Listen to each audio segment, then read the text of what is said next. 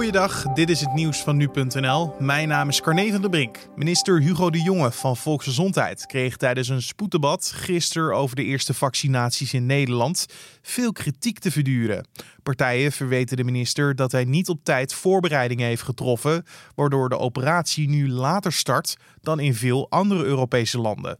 Zo zijn bijvoorbeeld de IT-systemen van de GGD nog niet helemaal op orde.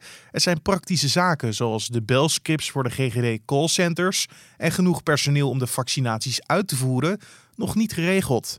De jongen benadrukte dat het proces zorgvuldig moet gebeuren en dat de eerste vaccinatie nog steeds op 8 januari zal plaatsvinden.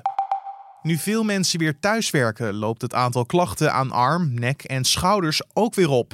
Meer mensen melden zich daarvoor bij de fysiotherapeuten. Dat signaleren het Koninklijk Nederlands Genootschap voor Fysiotherapie en Fysio Holland, een organisatie waarbij meer dan 500 fysiotherapeuten zijn aangesloten. Volgens de algemeen directeur van deze organisatie worden de klachten veroorzaakt door verschillende factoren, die wel allemaal direct te maken hebben met het thuiswerken. Zo zijn de thuiswerkplekken vaak niet goed ingericht, is er een gebrek aan fysieke sociale interactie en leidt thuiswerken tot meer stress, wat weer zorgt voor meer spierspanning. De Amerikaanse medicijnwaakhond FDA heeft besloten om een tweede coronavaccin op noodbasis toe te laten tot de Amerikaanse markt.